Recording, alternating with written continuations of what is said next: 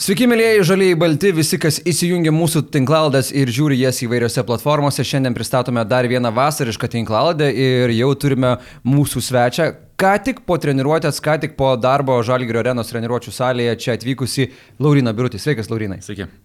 Mes pakalbėsime apie daug įvairių dalykų. Laurinas turėjo įdomią vasarą, treniravosi ir su rinktinė, dabar ruošiasi toliau su komanda, tas iš ankstinis pasiruošimo etapas. Na, o antroje šitos tinklaldės dalyje Laurinas e, padės mums atsakyti į mūsų sirgalių užduotus klausimus, kuriuos buvo galima užduoti Žalgiris Insider platformoje. Ir tą antrą tinklaldės dalį bus galima matyti būtent tik per Žalgiris Insider platformą. Na, dabar Laurinai, žinai, tas tradicinis uh, vasaros klausimas, kaip tau vasara? Ar pailsėjai, ar esi prikaupęs jėgų, kad galėtum galėtum su savo tą sprokstamą jėgą pradėti visus darbus nuo pat sezono pasirinkimo pradžios? Nu, ta vasara tikrai tokia pilna visko buvo ir polis, aišku, po sezono keletą savaičių buvom ir išvykę pal, palsėti, patostagauti, paturistauti šiek tiek.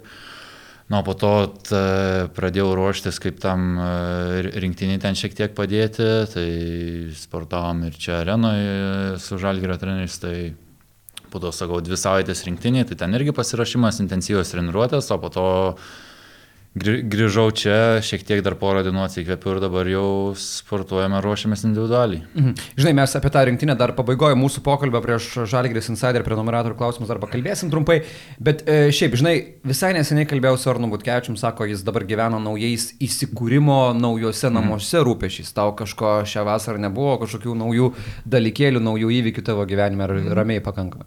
Ne, kažkokių nebuvo, sakau, to Šiaip smagiai pakeliavom, sakau, tą kelionę mūsų. O kur keliaut? Daug kur. Užsibrėžę buvom nemažai, tai aplankėm ir Ispaniją, ir Italiją, ir e, Lenkijoje paturistavom, tai Lenkija, kas nustebino, labai patiko šiaip.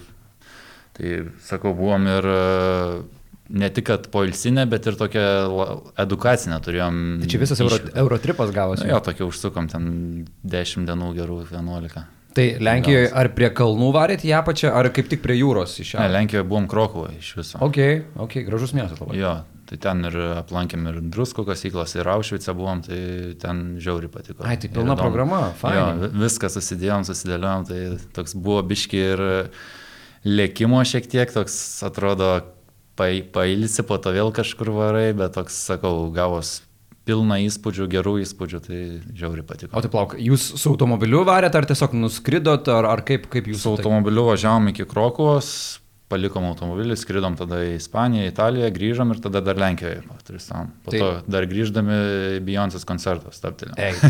tai va, full, Taip, po truputėlį, po truputėlį iš tavęs išpešam. Beyoncé's koncertas buvo, ar ne? Ja. Patiko?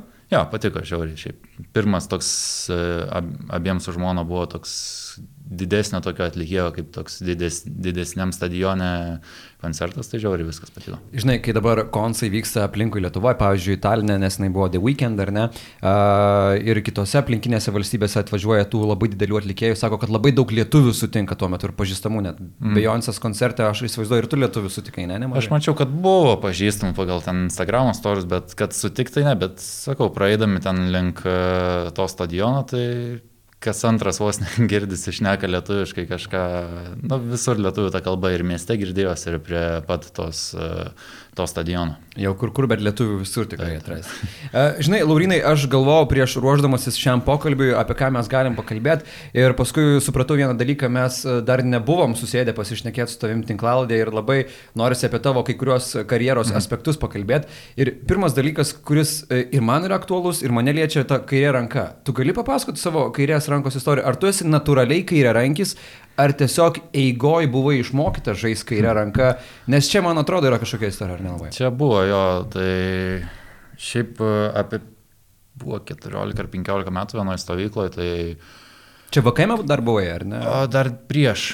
Jo. Prieš. Tai vienas treneris ten su mano agentu, nežinau, kažkaip pasiūlė, kaip, nu, nus, nu pasiūlė labiau nusprendė, tipo, pabandyti su kairė, nes mano su ta dešinė, na nu, ir su kairė tas nėra metimas kažkoks labai geras, bet su ta dešinė iš vis būdavo kitaip, tai bet uh, nežinau, kodėl tai pagalvojo, gal aš tą kamolį kairė imdavau dar kažką, bet uh, šiaip po to esu atradęs, ten tėvai rodė vaikystės ten kažkokius video, Tai aš, tarkim, ten ma mažas tas kamoliukas, Jo. ten visiškai vaikas, aš viską įmu jį su kairė ranka, ten kažką. Bet šiaip tu daiktus rankis natūraliai, taip?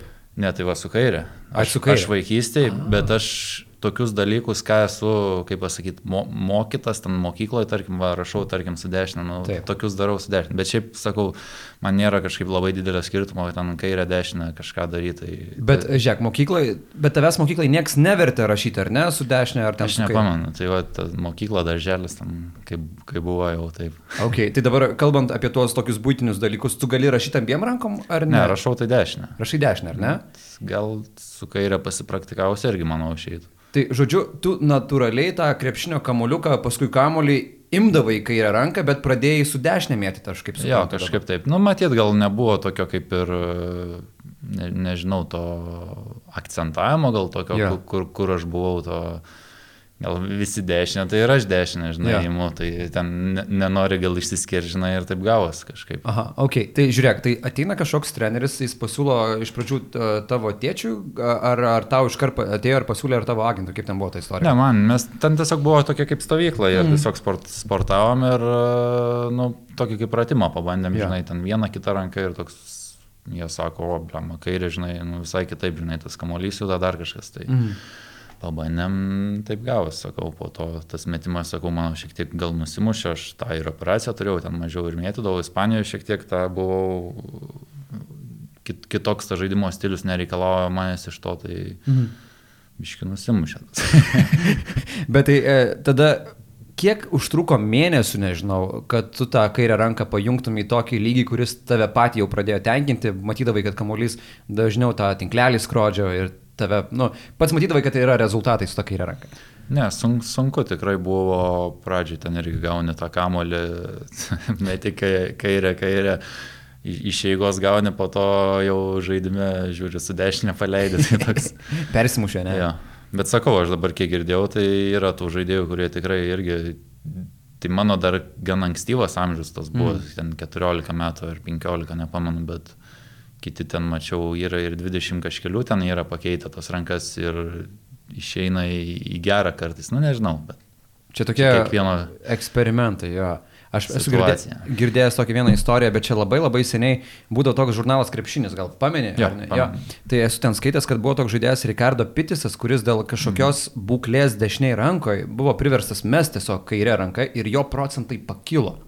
Tai, nu, nu, aišku, jis liko prie tos, ar ne? Ir jis, jis tikriausiai kažkas- liko prie tos kairės rankos, tai va, tai kažkas okay. va tokio. Gerai, uh, kalbant apie tavo trenerius, mes dabar žinai pabandysim tai prabėgti pro tavo visą karjerą, tai jeigu taip imtume nuo NKL lygio, ar ne, žaidėjai pas uh, Tomo Masiulį, uh, žaidėjai pas Virginijų Šeškų, tada buvo Antanas Reika, Jasikevičius, Šeškus vėl, ar ne? Mm, ne, buvo Šernius. Šernius, taip, Šernius, nes grįžai prienus jau pas uh, Šernių. Ir Mončio Fernandes iki mm. Kazio Maksvyčio. Tai sakyk, iš tų visų trenerių, uh, kuris tu galvoji, kad, uh, čia nelyginant trenerių, neprašau čia reitinguoti jų, bet kuris tu galvoja, g- galvoji, kad geriausiai suprato, apie ką yra Laurinas Brutis ir jo žaidimas ir tą potencialą tavo sugebėjo geriausiai atrakinti. Vi- Visi labai skirtingai, visi bandydavo, sakyčiau, kažką rasti manyje, gal kartais ir naujo, pagal savo žaidimo stilių pritaikyti ir mane, bet tuo pačiu ir suteikiant man kažkokios, kaip yeah. pasakyti, nau- naudos, kažkokio naujo, nežinau, aspekto žaidime. Yeah. Tai tas, sakau, visi treneriai tikrai davė nemažai, tikrai daug, e, Tomas Masiulis davė, tikrai, ne, nežinau, dabar nebuvau su juo kaip ir e, susitikęs, nu, dirbęs su juo, bet dubleris tikrai buvo labai didelis krepšinio entuziastas, tikrai turėjo, dabar suprantu, kad turėjo tikrai gerą krepšinio supratimą ir nu, iš mūsų tų dublerių, išsireikalavo, ką manau ir parodo tas, kad e, iš mūsų to, tų metų dublerių kartos ten, nežinau, vos ne visi žaidžia LKL ar aukščiau. Čia geras Tai pastebėjimas jo. iš tikrųjų. Jo. Nes ten, sakau, mūsų komanda, nu, galiu pavardinti, Taip, ką, tai taip. buvo, buvo aš, buvo Ehodas, e, Varnas, e, Velička, Miniotas, e, Valinskas buvo, ar ne, irgi? Valinskas buvo, Sajus, Gytis Masiulis, Kristupas Žemaitis, tai, nu, tokie žaidėjai. Visi rimti, dabar jo. žaidžiantys tikrai aukštam lygiai. Taip, gal dar kažką net pamiršau, nežinau. Nu, bet čia, žinai, tai, Tai jo, bet atsidarytume jo. jo, jo, bet. Tai, uh, tai Tomas Masiulis, ar ne? Ar tu sutinki su to nuomonė, kad Tomas Masiulis uh, vertas būtų galimybės pabandyti užsikabinti ir, tarkim, aukštesniam lygiai kaip vyriausias treneris pabandyti? Nes Ne, kol kas jis dirbo tik tai su dubleriais. Tikrai taip manau. Mhm. Tikrai manau ir jisai kiek metų prie, prie Šaro buvo asistentų. Tai manau tikrai pasisėmė tos patirties, aišku, neaišku kokie jo, jo norai, bet uh, aš tikrai tikėčiau, kad jisai būtų geras, galėtų būti geras vyr treneris. Mhm. Tu pasakytą labai įdomią mintį ir norėčiau, kad paplėtotum ją. Sakai, kad kai kurie treneriai kažko bandydavo naujo atrasti ir pritaikyti tavo žinimą, įneš naujų spalvų. Prisimeni kokį nors trenerį iš savo profesionalo karjeros, kuris atėjo ir sako, kažką tokio pasakė, kad dabar norėčiau, kad tu tai darytum aikštėje, Laurinai. Buvo tokių pasiūlymų. Antanas Reika tikrai reikalau, reikalaudavo, nu, skatindavo mest tą tritaškį metimą iš toliau, tai tikrai šiauliuosi, kai buvau, tikrai ir išmesdavau daug tų tolimų vidutinių ir tritaškį esu įmetęs. Tai, Šitą irgi esu pasižymėjęs, kad šiauliuosi esi pataikęs tritaškį. tai, tai, tai va, Antanas šiaip labai skatindavo su tais tol, tolimesniais metimais būti tokiu universalesniu. Nežinau, kiti treneriai irgi savo dabar kažkaip ne, neįkrenta į galvą, bet ja. tikrai turėdavo savo irgi kažkokių idėjų, minčių. Mhm. Šitam sezone, ką mes matėme tave sugrįžus į Kauno Žalgirį, tu žaidži daug paustę, žaidži nugarą, mm. daug driblingo dar pradedant iki pausto prieigų ir tada jau varžovo iki, įveikimas iki pat iš po krepšio. A, Kuris iš trenerių iki tol tavo karjeroje irgi labai akcentuodavo tą paustą? Ar absoliučiai visi, ar, ar treneriai, nežinau, kiti treneriai, va, kaip Antanas Reikia, pamiksuodavo tavo žaidimo variacijas?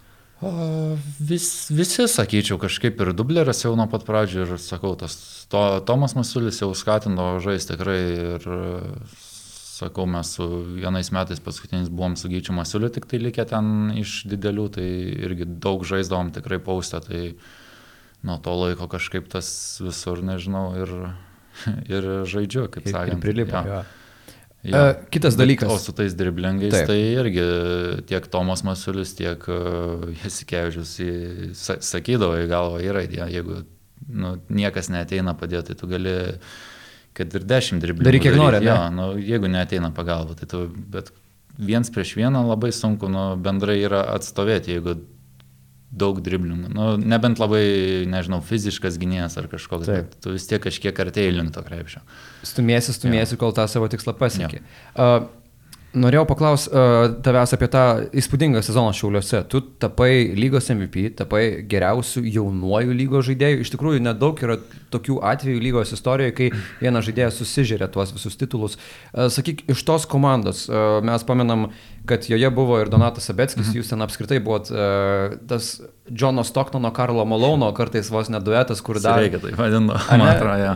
Kur e, jūs savo tą pikenroliuką sukdavot, e, labai aukšti perdavimai, atako žemė oras, bet buvo ir Nikas Zaisloftas, buvo Taip. Kristupas Žemaitis, net Karolis Lukošūnas tuo metu jau žaidė irgi šiauliuose trumpai. Pabaigoje sezono Jo. prisijungė prie mūsų. Tai kaip tu, kaip tu manai, kas nutiko, kad ta komanda taip gerai suklikino ir jūs netgi buvote metę labai rimtą iššūkį panevežė Lietkabelį playoffs? Mes iš vis ten galę sezono, man atrodo, buvom labai gerą bangą pagavę, nes mes pradžią sezono taip pradėjom nu, labai prastai, ten, ne, nežinau, iš dešimt rungtynių gal ten dvi buvom laimėję, tik Mhm. mhm. kažkas tokio, bet po to, nežinau, kažkaip visi rado tą savo vietą, savo rolę.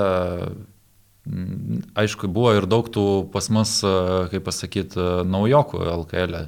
tiek užsieniečiai, tiek e, lietuviai, tiek kiti iš nacionalinės, tiek kiti gal buvo žaidę LKL, -e, bet neturėjo to tokio realaus šanso, tai to laiko reikėjo, bet sakau, gale tikrai buvom pagavę, manau, labai gerą formą tada ir nu, met, metėm iššūkį daug, ir žalgerį namie buvom nusėmę. O tai pamenu.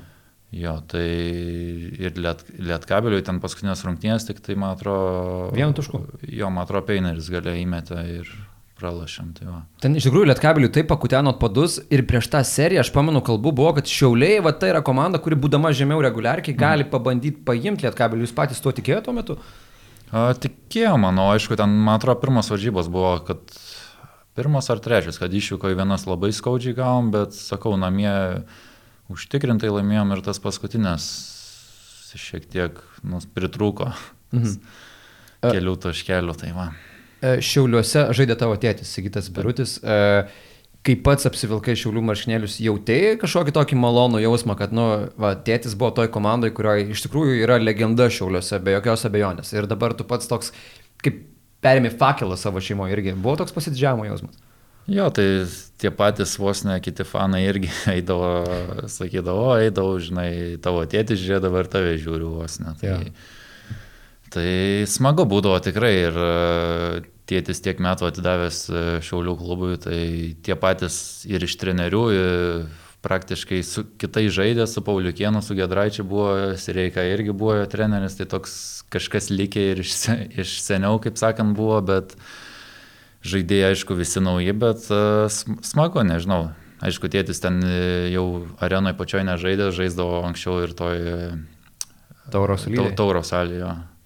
Ten iš viso egzotika tai, buvo, tu tai, ten tai, lankydavaisi tenai, ar ne? Aš dar mažas būdavau, bet aš pats e, moksleivių lygoje ten dar žaisdavau varžybas ir su šiauliais esam keletą draugiškų žaidę, tai ten jo sakydavo, kad būdavo visko. Esu girdėjęs istoriją, kad net nuo triukšmo žiūrkė buvo iš kur išėjo. Buvo, buvo, sakė, jo per aikštę bėgioja.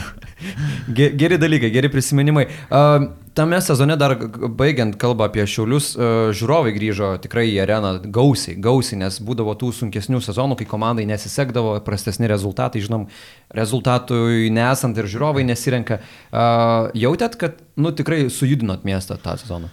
Jautėm, pradžioje gal nebuvo to tokio žiotažo, bet po to tikrai rinkom gerus skaičius, gal ten treti lygoje buvo, man atrodo, iš vis ten po žalgerio ir gal ryto pagal lankomumą kažkas tokio, kad tikrai rinkosi daug žmonių, turėjom ir soldautą vieną, man atrodo, prie mm. žalgerį, tai nu, buvo smagu ir pamenu dar paskutinės gal pliofų tada rungtynės prieš Lietkabelį, tai irgi išdalino visiems geltonus marškinėlius, tai irgi buvo toks nu, smagi atmosfera, gražus vaizdas toks nu, ir tikrai jautės tos fanų palaikymas. Iš tikrųjų reikia pasakyti visiems, kad soldautai Lietuvos krepšinėje gal žalgiriui yra įprastas dalykas, bet kitom, kitiems klubams tai nėra tikrai kasdienis. Ja, net dažnai būna LKL. Ypač jeigu, na, jeigu turi didesnę areną. Taip, taip. taip. taip. Uh, Bet žiūrėk, tau buvo 21 metai, kai tapai lygos MVP, ar ne? 2018. Mm -hmm.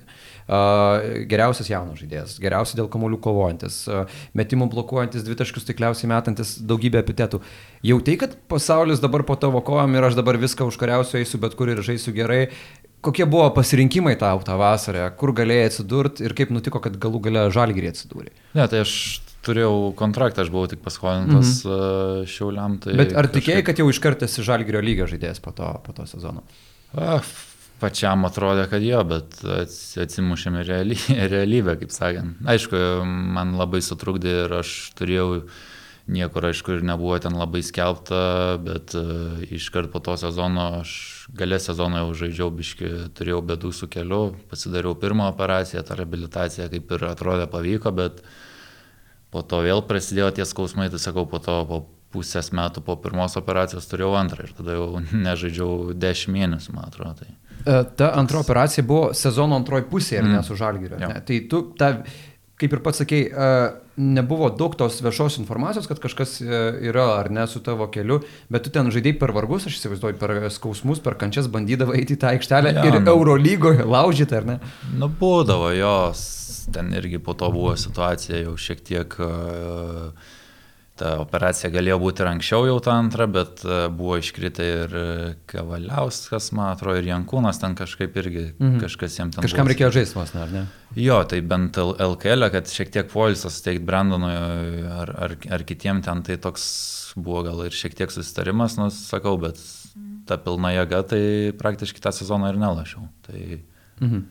Bet aš įsivaizduoju, žinai, Visuomenė nežino visos informacijos, tu kaip lygos MVP atvarai žalgį, tu žaidi, tavo skaičiai galbūt nėra tokie, kokie buvo lūkesčiuose visų sirgalio akise. Ar buvo, nežinau, tokių sunkių momentų, kad, nu, velnės, nu, aš negaliu tiesiog žaisti, čia žmonės kalba ir taip toliau, ar tu stengdavais, nežinau, kažkaip atsiribot nuo tų kalbų, ar įlyzdavo kažkas į galvą tą sezoną?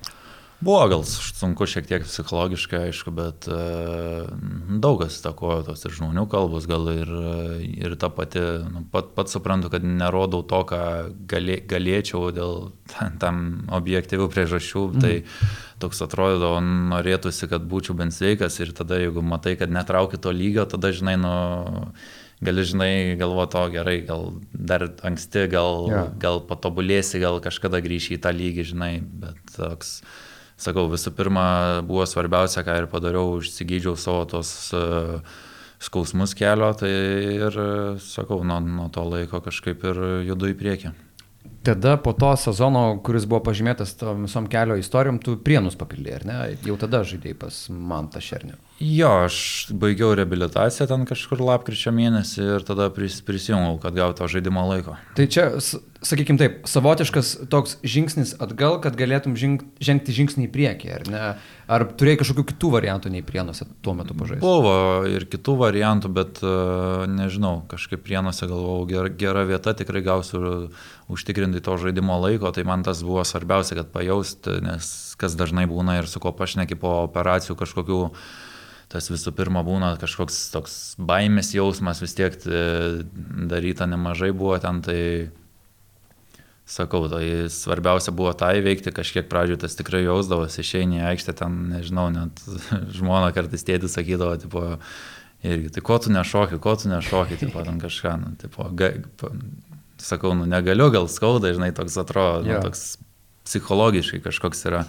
Nu, po to paimi, žinai, ten kitą dieną, žinai, o, ten įdėdi, žinai, ten pašokia aukštai. Nu, tai sako, va, gali, tipo. Nu, tai toks, žinai, kažkoks biški užsiblokavimas ir psichologiškai, bet sakau, tą praėjau, manau, kiekvienam normalu, ten ypač po rim, rimtesnių kažkokių traumų operacijų, tai normalus dalykas, manau. Mhm. Paminėjai tėti, apskritai dar šito klausimo nepaklausiau tavęs, kiek su tėčiu bendraujat, kiek aptarėt tavo rungtynes, tą visą žaidimą vis tiek jis aukščiausio lygio buvęs krepšininkas Lietuvos krepšinio lygoje, netgi legenda, kaip ir kalbėjom šiauliuose, tai kiek jis turi tų visų patarimų, kažką ką pasakyti sūnui savo.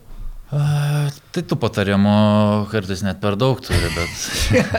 Bet čia nuo mažų dienų. Na, jis- bet čia normalu, čia su kuo pašnekė, kas tėvai žaidė ten, tai taip dažniausiai ir būna, bet sakau, kart, kartais jau po tų varžybų nesinori net ir klausyti, kartais baigęs tos varžybos, tu tą dieną tiesiog atsijungi nuo krepšinio, tu net yeah. nenori ten labai analizuoti, ateis kitą dieną, žinai, vis tiek ateisi į, komand, į komandą, treniruotę, tu analizuosi, darysi video peržiūrės, tai toks ties to dalykus stengiuosi labai neapsikrauti, po varžybų jau tiesiog, kaip pasakyti, ne, negalvoti, Jo. jau ne, neperdėt labai ten, ar sekės, ar nesisekė kažko, ateis kitą dieną, vėl viskas nuo pradžių, tai tie. Aš turiu to tokį hipotetinį klausimą. Įsivaizduokim, Prime karjeros laikotarpio Sigitas Birutis prieš dabartinį Lauriną Birutį sustinka aikštelį. Tai abiejų pliusai ir minusai vienas prieš kitą galėtum pabandyti taip įvardinti tokią pamodeliuoti situaciją. Nu, aš labai jo nedaug mačiau, kiek jis ten žaidė. Nu, tik per video, kiek matęs. Tu už jį aukštesnis esi, ar ne? Jo, tai čia ir suvalgyčiau.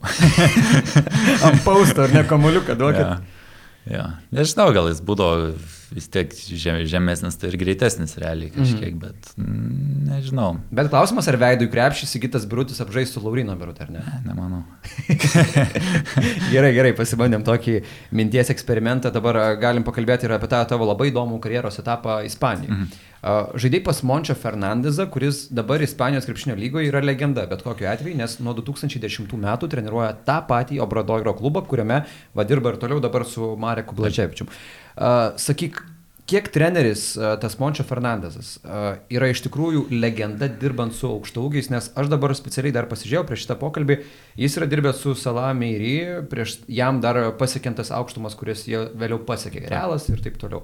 A, Su Maiko Muskala, kuris ir dabar žaidžia NBA, su Maxi Kleberiu, kuris dabar žaidžia NBA. Jis atrodo prisilietė prie tų aukštaugių, kurie po to labai sėkmingai nusitęsė savo kelią į aukštesnį lygį. Tai kur yra Mončio Fernandezo paslaptis dirbant su priekinės linijos žaidėjais?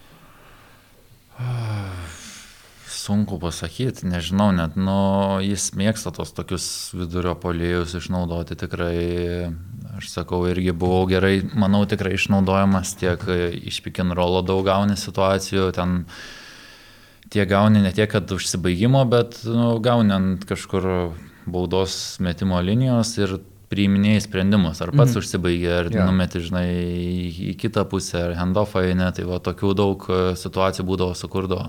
Šiaip tikrai, kas liečia strategą, tai idėjų žiauriai gerų turi. Tai kažkas palai net yra sąja, kad jis, Justas gal Greinys Jo. kaž, kažką apie trenerį, tą aš negėjom, kad tipo, prieš mus, kai žaidė su Jaskevičium, sako, va, žiūrėk, tipo, Jaskevičius jam sakė, tipo, vos ne, kad e, žiūrėk, tas treneris, tipo, turi gerų idėjų, sako, aš jį stebėdavau, nu, tipo, kaip jisai ten, Jo. ko, kokias jo taktikas. Tai sakau, taktikų lab, labai turi, turi gerų, jis ten, sakau, ir, nu, čia vienetai tų trenerių įsibiję išdirba tiek, e, tiek sezoną išėlės, nežinau. Ir, sakau, dar ne pabaiga, kaip matom, tai aišku, ten tie rezultatai gal nėra kažkokie ten lab, labai geri, bet, nu, normalu, tas miestelis, tai, nu ką, ten 80 tūkstančių ar kiek gyventojų, tai ten... Tai už panevežį mažesnis. Jo, tai ten to biudžeto, kaip sakant, irgi ACB lygio, tai nu, vie- vie- vieni paskutinių, kaip sakant, tai ten, bet e, komanda, kaip taip žiūri, nebuvo iš, iškritus, o matom, kokios komandos ACB ir iškrenta. Ta pati Andora buvo, Burgosas ten, nežinau, kiek pinigų žaidėjų buvo pakeitę tą sezoną, kai iškrito. Dar aš tada ten žaidžiau, nu, tą sezoną. Taip. Obradoirė, tai Tai sakau, tai ir praeitą neblogą sezoną turėjo, šiemet į atranką turės į čempionų lygą, tai bus įdomu stebėti. Bet iš esmės e, tame Santiago de Compostelos miestelėje, mies, miestelėje Ispanijos kontekste, pavadinkim taip, krepšinis yra be ne vienintelė tokia pramoga, kuri gali sutraukti e, gyventojus. Ir Kiek ten telpa, pavyzdžiui, arenoje žiūrovų? Arenoje telpa apie 6000 kažkas tokio. Mhm. Tai būdavo, jeigu geresnė atkarpa ar kažkokia kaip per, pergalės, kaip ir visur ateina, tai būdavo ne, ne pilna, bet apipilnė pris, prisipildydavo jo. Ir Brioganas, o būdavo ten didžiausias derbis, ten Lugo Brioganas, kur dabar Sajus su jo gėlo žaistai. Mhm. Ten va valanda kelio tik tai su automobiliu, tai va tada prieš juos buvo pil, pilna salė, man atrodo. Čia kaip pasvalys ir utena, panevežys utena, pasvalys Nu, utena. bet ten visai kitokio lygio derbis toks, sakyčiau, tai Karštesnis. karš, karštesnis tikrai. Mhm. Ten jau toks ir patys tie kitose gal varžybose santūresni tie fanai, bet jau prieš juos žaidžiant tai būdavo karšta tikrai. Tipo, perkaskim gerklės brioganą. Jo, ir, ir jų, ir pas juos išvyko, kai žaidėm, tai tikrai jų salė dar šiek tiek mažesnė, ten buvo iš vis žiauriai sunku lošti. Bet uh, dar prieš tą sezoną pirmą Ispanijoje, uh, visi mes puikiai žinom, kad Ispanijoje žaidžiamas tas labai greitas krepšinis, mhm. bek ir mes. Kiek, nežinau, galbūt uh, tau buvo tokių pamastymų, galvoj, kad, nu, čia bus įdomu, kaip man čia pavyks uh, adaptuotis prie tokio žaidimo, kuris apskritai ispaniško lygio krepšinis, tau buvo pirmą kartą toksai karjerai. Tai ar pradžia buvo labai sunki, ar teko išgyventi daug tokių, žinai, dienų, kai galvodavai, nuvelnės čia, nu, tikrai bus ką veikti, kol pritapsiu. Pradžioje buvo pirmą dieną vos net atvažiavus, galvoju, lemma, kur čia atvažiavau, nes e, pasirašymas buvo, rinkomės anksti, nes taip nusprendė treneris klubas, nes buvo COVID tada, iškart po COVID, tai nusprendė susirinkti anksti, kad tiesiog kiti gal daugiau laiko nesportavę, nežaidė, kad šiek tiek tą žaidimo ritmą pajus, ten su kamoliu padirbėti. Yeah. Tai ten nebuvo jokių, kaip pasakyti, pasirašymų labai, e, kaip čia būna kartais į stadioną, pradžiui ten kažkoks, o ten iš karto į salę 5-0, žinai, derinukus. Tai, bet 5-0 ne tai, kad ten 50 procentų ten ar kažką, bet iš karto pirmieną vėl visų greičiau, žinai. Pilna jėga varo, ne? Jo, ir, ta, ir tas detalės lyzdavo, viską norėdavo išsireikalauti, ten kiek, kiekvieną užtvaros kampą, kiekvieną ten, nežinau, nukirtimą, kiek, kol, kol padarydavom gerai, tol darydavom. Tai sakau, treniruotės 2-3 valandas būdavo ir du kart dienoje vos ne tokios treniruotės. Ir sakau, buvo ir viena istorija, kad davė jau pabaigoje treniruotės pratimą, tiesiog padaryti iš savo situacijų tokių keturis kartus bėgi į vieną pusę, padarai tą situaciją, bėgi į kitą ir taip mhm. keturis kartus. Ir buvau penkite ten, nu, keletą tokių jaunesnių buvo paėmę ten iš antros komandos. Yeah. Ir reikia iš tų keturių visus keturis, kad įmest, kad užbaigtų. Ir buvo du penketai. Tai tas pe- pirmas penketas ten iš antro karto užbaigė, Jo. mes, nežinau, ten jau trečią, ketvirtą penketą. O bėg toliau reikia. Trečią, ketvirtą kartą darom, nes buvom ten, įmetam du, prametam, bėgam, žinai, vėl. Ir po to paskutinis liko ir tas jaunas vienas, pamenu, išbėga ir paskutinį metimą iš pakrepšio prameta. O mes jau ten visi, žinai, jau tokie jau. tai va ten buvo. Nebuvo pasinaudota su, sunkumai. Kibirų pagalba, truputėlį skrandžio turinio atlaisvinti ar? Ne, ne, nebuvo, bet jau ten degonės balionų trūko tikrai visiems. E, pirmą sezoną užbaigiai patekdamas tarp 10 naudingiausių visos lygos vidurio polėjų pagal statistiką žiūrint. E, kaip tu manai, kaip tau pavyko taip greit prie to krepšinio priprast? Uh, vėlgi kalbėjome apie tai, kad anksčiau nežaidai tokiais greičiais, mhm. bet sezonas pirmas buvo iš esmės fantastiškas ir paneigęs daugelį iš ankstinių prognozių, aš įsivaizduoju.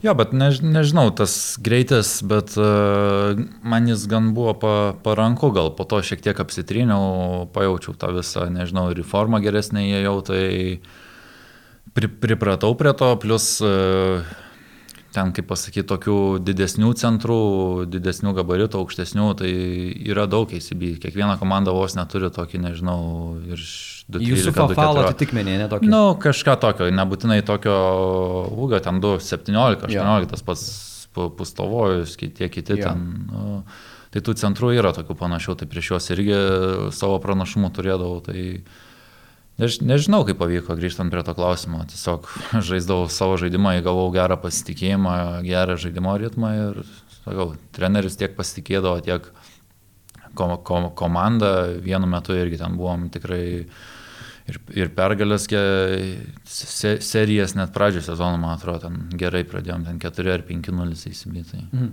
Tu buvai ir mėnesio žaidėjas įsibė, ar ne? Mhm. Kaip tau pačiam jausmas tapti geriausiu mėnesio žaidėjo ACB lygoje, geriausiai vietiniai lygoje Europoje? Vos gavęs, tai gal nesupratau, kiek tai yra rimta. Dabar gal tik suprantu, taip ten, nu, supratau po poros mėnesių, po keletos mėnesių, nes tada ten buvo gal pirmo mėnesio, bet ten buvo gal uh, iš trijų ar iš keturių varžybų ten. Mm. Na, aišku, ten būna penkios, gal kartai šešios. Tai, tai tas atrodo gal, ne, nežinau, atrodo nesureikšmų, nes buvau gavęs ir iš LKL, o ten tų mėnesių MVP. E, tai kažkaip atrodė, tuo, tuo momentu netrodo kažkaip ypatinga, bet po to, kai permastė, atrodo, wow, žinai. Mm. Toks vis, vis tiek ta lyga yra žiauriai stipri, nuo tų komandų daug, e, tai tikrai smagu buvo gauti. Po pirmo sezono, ar buvo, nežinau, minčių ir tokių karjeros trajektorijos krypčių kažkur kitur keliauti, bandyti į dar aukštesnį lygį, ar buvo planas tiesiog likti ramiai dar vieną sezoną toj pačioj komandai, toj pačioj sistemoje ir tada žiūrėti? Kažkokių gal pamastymų buvo, bet sakau, aš turėjau kontraktą dviem metam, tai taip ir viskas liko. Tiesiog užsilaikėm. Jo. jo. Tai gerai, tada tas antras sezonas statistiškai irgi toks pat sėkmingas mm. kaip ir pirmas, e, atrodo tiesiog tesi tą pačią sėkmingą liniją. Ir ateina žalgerio pasiūlymus, ar ne?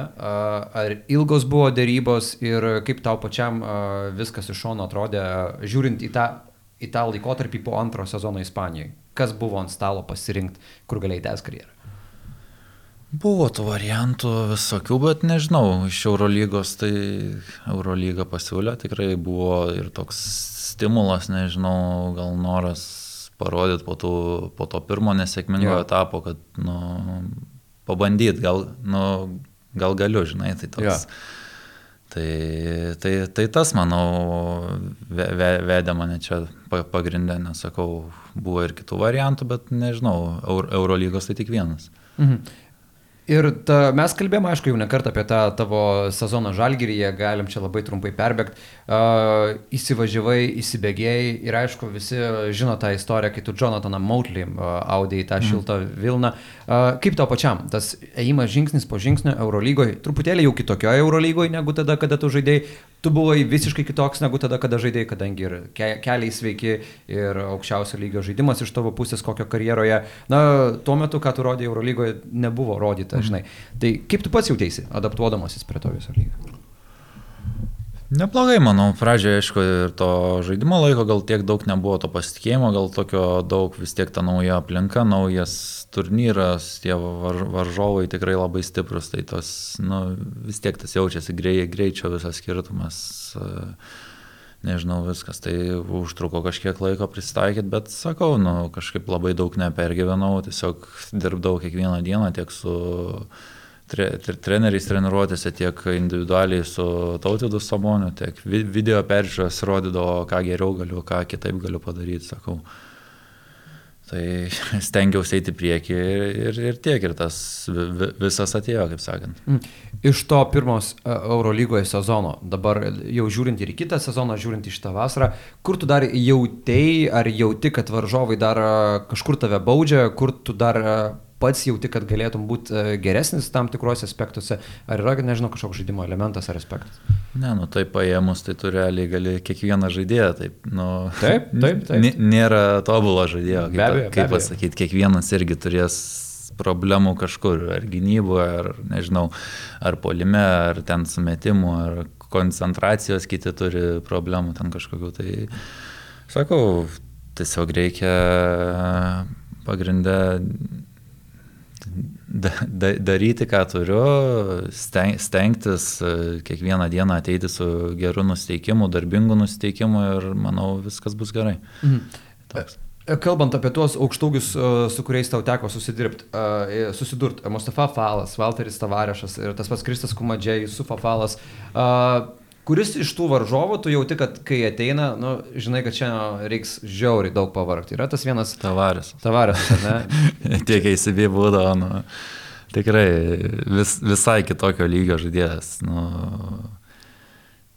tikrai, manau, galėtų NBA tam tikroje organizacijoje, jeigu rastų jam vietą, tikrai, man, manau, galėtų žaisti. Tai tikrai sudėtingiausias oponentas. Mhm. Bet kalbant apie tą patį tavarėsą, tave turi Kauno Žalgiris, minėjau tuos labai aukštus vidurio polėjus, kuriuos turi kitos komandos. Ir žinai, mes kalbam apie tą krepšinį, kuris neva modernėja, keičiasi, reikia tų daugiau mobilesnių vidurio polėjų, bet man atrodo, kad Europoje tai nesikeis. Man atrodo, kad vis tiek bus poreikis tų aukšto ūgių vidurio polėjų, kurie yra aukšti, turi ilgas galūnės, kurie saugo savo baudos aikštelę. Ar sutinki su šitą mintim, kad Sutinku. jūs nepakeičiame esate realiai? Na nu, čia, nu, tikiuosi. Bet, nu jo, čia jau tas nuo, nežinau, nuo Golden State turbūt atėjęs yeah. jau 10 deš, metų tas keitimasis jau šnekos, kad nereikia. Smallballinsim ir smallballinsim. Jo, nereikia tų didelių, bet pažiūri, kad visur tie dideli vis dar yra. Pažiūrėk e, Eurolygos, nežinau, finalinio ketvirto komandos. Nu, kiekviena turi. Taip. tą tokį, nežinau, nu, gal ne Walterį tavarešą kiekviena turi, bet nu, aukštesnį, net ne, ne, nežinau. Ir tendencijos nekinta. Vienetai tų komandų, kurios žaidžia, nežinau, su dviem kaip, kaip small balliniais centrais, kad yeah. ne, neturi jo, jokio net pa, ant pakeitimo to didesnio taip, centro. Taip, taip. Nu, nebūtinai jis pagrindinis gali būti, nes aišku, mums didesniem gal irgi yra sunkiau ten žaisti 25-30 minučių, bet nu, 15-20 manau galim duoti naudos tikrai geros. Ir aišku, tada tu tą žaidimą varijuoji. Turi taip. vieną tokį small ballinį centrą, kitą turi aukštesnį ir tavo taip, žaidimas taip. tampa su daugiau ginklų. Taip, nes tu turėdamas realiai du small ballinus, nu tu... Mm labai tampi vienpusiškas gal toks kaip. Ateis Laurinas Birutis ir nu. užlaužtas. Gerai, e, pabaigai dar tavęs norėjau labai paklausti apie porą dalykų. Kauno Žalgiris e, turėjo labai santykinai nedaug pokyčių šitą vasarą. Atėjo trys naujokai - Nasas Mitrulongas, Bredi Menekas ir Danielius Lavrinovičius. Kaip tu pats vertini komandos naujokus? Aišku, galbūt ne visus tikrai gerai pažįsti, nes kaip Bredi Menekas Euro, Europoje tik vieną sezoną yra apskritai dar žaidęs, bet tavo pirmas įspūdis apie juos. Aišku, dar sunku kažką pasakyti, dar ir, ir patys jie neatvyko, kaip sakant, tai bus matyti ten iš tų highlightų kartais pažiūrėjus, nu, labai sunku suprasti, prieš ką žaidės, tai tik prieš Lavrinovičių, tai tikrai, manau, ger, ger, geras vaikis, tikrai ketvirtų ir penktų gali mums irgi kažkokios naudos tikrai duoti. Mhm. Tai sakau, svarbu, kad dirbtų, bet tikrai, manau, mums padės irgi, o, o kiti žaidėjai tai... Eurolygoje su Metrolongu, aišku, susidūrėm, ja. tai prieš mus irgi, man atrodo, Žalgirio arenoje gerai jis atrodo. Tai, taškų, jo. jo, tai bus matyti, kaip, jis, kaip jie įsipaišys visi trys į mūsų schemas, kaip gal kažkoks, nežinau, aišku, tie trys žaidėjai gal ir atrodo nedaug, bet nu, vis tiek tas komandos veidas kažkiek koreguojasi, kaip sakant, vis tiek, nu, ne, ne tie patys lieka žaidėjai, kad visa komanda. Tai... Mm. O kitas dalykas, uh, lieka labai daug žaidėjų iš to kito, iš praeito sezono, lieka beveik visa gynėjų linija, na, pasikeitė joje Aizėja Tayloras, Nazas Mitrulangas ateina, bet uh, tau tek žais praktiškai su tais pačiais atako organizatoriais. Kaip tu pats žiūri tai, kad, na, labai yra svarbi komunikacija tarp gynėjų ir aukšto ūgių ir tu turėsi tuos pačius kolegas, kurie turės tau įvedinėti kamuolį. Čia didžiulį pliusą, pliusą matai artėjančiame sezone. Uh, jo, tai aišku, manau, kiekvienam smagiau žaisti ilgesnį laiko tarpą su tam tikrai žaidėjais, ypač dideliem reikia pajusti, nes dažniausiai tas pirmos savaitės gal būna, pirmie mėnesiai ten nu, tos komunikacijos, tokio žaidimo supratimo kartais trūksta tarp didelių, mažų, nežinau, kartais ypač man būna ten, nežinau, per žemą pasą duoda, ja. per e, kažkokį netikslų į kojos būna paduoda, nu, tai po to jau po keletos klaidų jau kartais išmoksti ir ta ja. kom, komunikacija geresnis vienas kitos supratimas tai ir ateina. Mm. Žinai, anksčiau buvo jaunesnis žaidėjas, galbūt ir būdavo sunkiau kažką pasakyti prieš vyresnius, bet dabar jau, žinai, jau tau 26 metai, tai bus, bus. ar bus jo, ir greitai visai. Mhm. Tai gerai, iš anksto sveikinam su gimtadieniu. Ir uh, jau gali ir pats kažką, ar ne, atgal pasakyti prieš savo amžiaus žaidėjus, ar gal šiek tiek vyresnius, jau pajūti, kad ir pats Vilnių duodi gynėjim. Ne, gal Vilnių labai neduodu kažką, stengiuosi, jeigu kažkokią pastabą, nu tiesiog prieiti pasakyti kažkokį... Diplomatiškai. Diplomatiškai, bet tiesiog ben, ben, dėl bendro, nu, kad vis, visiems geriau nuo to bus, kad vienas tai. kitą geriau suprasim, ar ten nežinau, nu, pasakysi, kad ten perdavimą ten duotų, o, o ne ten, žinai, nu, mhm. kaip pavyzdys, nu, aukščiau, o ne ten į koją, žinai, nu, tai visiems nauda bus ir man, ir jam, ir komandai, nu, bendrai visą. Mhm. Rinktiniai. Mes tą temą labai trumpai palėtėm apie mm. tavo rinktinės pasirodymą. E, šią vasarą tu kalbėjai su Kaziu Maksvyčiu ir pasiekė tokį susitarimą, kad tu padedi rinktiniai ar ne tas porą savaičių, kol JV negalės padėti ja. jai dėl NBA reglamento. Iškart priemiai sprendimą, kad ne, nepretenduosi 12. Kaip ten nutiko? Ne, tai šnekėjom ir su treneriu, jis tiesiog paprašė, aišku, žinom tą situaciją, nu, kad yra JV, yra Dimo, tai ten tokio, kaip pasakyti, tre, trečio tokio, nu, realiai panašaus stiliaus centro, nu, tai net šitaip žiūrint, nu, nėra vietos, geriau pasimti kažkokį, nežinau, ketvirtą, penktą, nu, kaip gabas maldumas dabar ja. bus.